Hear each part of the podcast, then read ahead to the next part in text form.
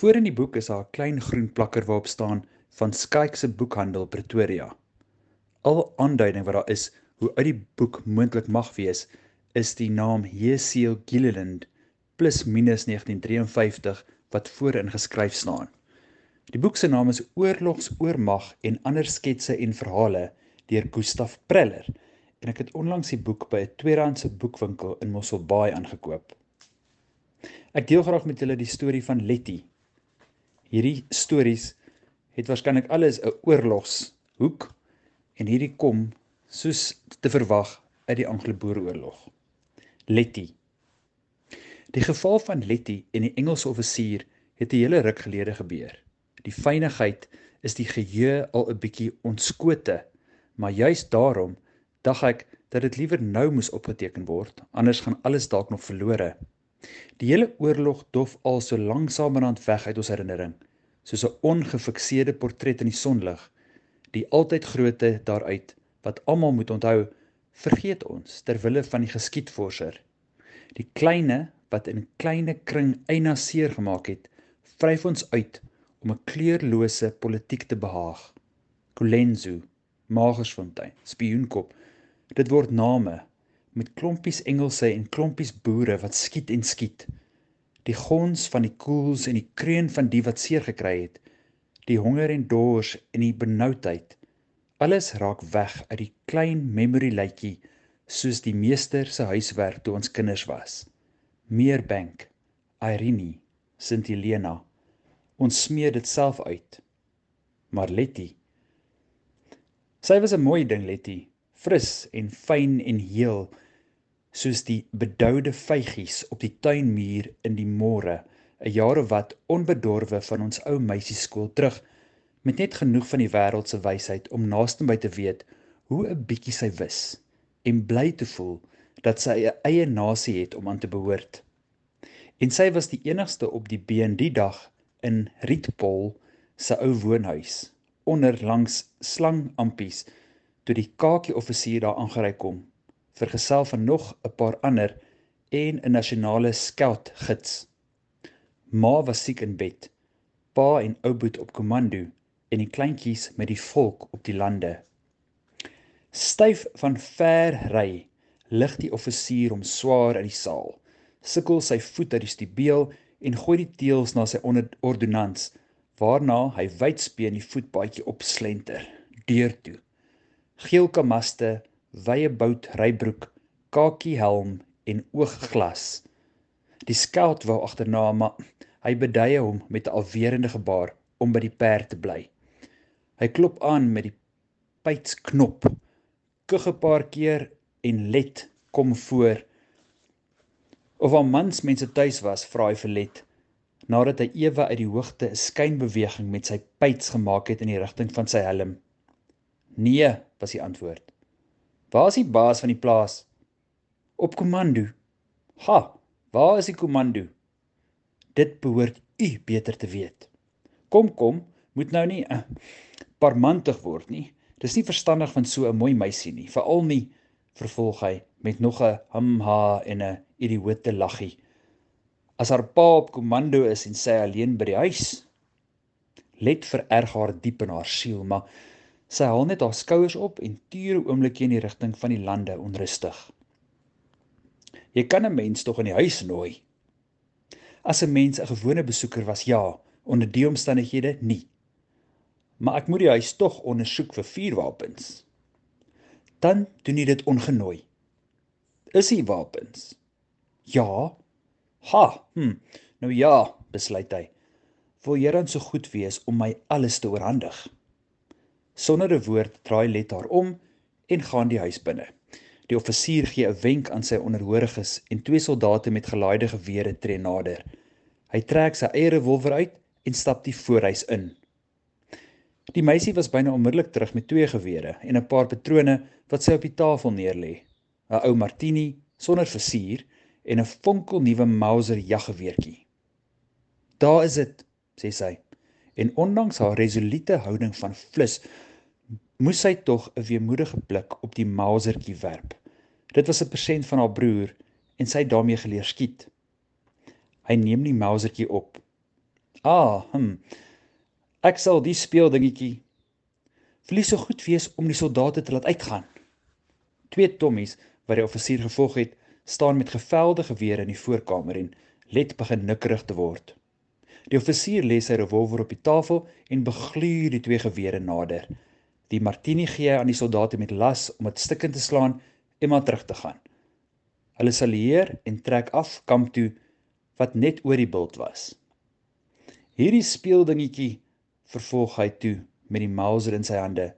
Sal ek self vir jou oppas. Miskien gee gee dit my die uh kans om eendag weer te kom. Hy trek die slot oop en 'n patroon vlieg op die tafel, 'n kort nek loodpuntjie. Ha! Ah. Dis net verwild. Merk Letty 'n bietjie onrustig op. Hm. Tog ook goed vir Engelse as hulle wild is, seker. Een na die ander pluk hy al ses die oorige patrone uit die magasyn uit op die tafel, beskou die fyn knopkorreltjie van die geweer en spelle naderhand die meisie se naam uit op die silwer naamplaatjie van die kolf. Jou vader se naam? Nee. Jou broer se? Nee. Wie se dan? Myne. O, hm. Maar wat doen u met die geweer? Ek glo werklik so omtrent dieselfde wat ander daarmee doen skuif skiet. Ek kan skiet. Maar meneer, waartoe hierdie katkesasie? Neem tog asseblief die geweer nou maar weg en laat ons met rus.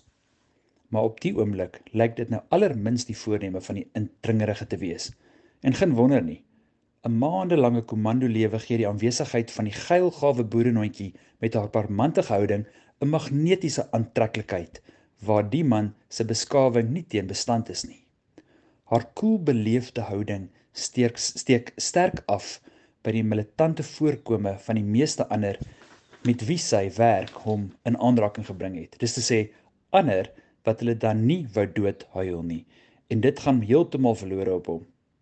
Hy wou minstens nog 'n rukkie met haar skoor.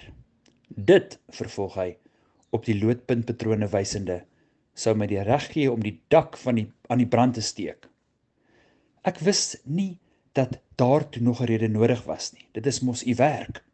Hm, dit is my werk helaas, antwoord hy. Maar ha, as jy my nou sê 'n uh, uh, dinkie op die serafyn voorspeel, sal dit in hierdie geval nie plig wees nie, met 'n gryns wat bedoel is vir 'n glimlag.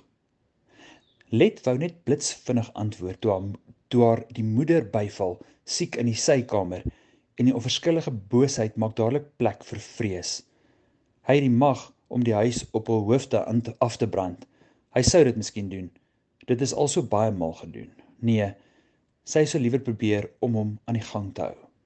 Hy bemerk haar verleentheid en praat voort. Of laat ons saam 'n paar skote skuif skiet. Nog vol gedagtes maak Let 'n beweging van ongeduld.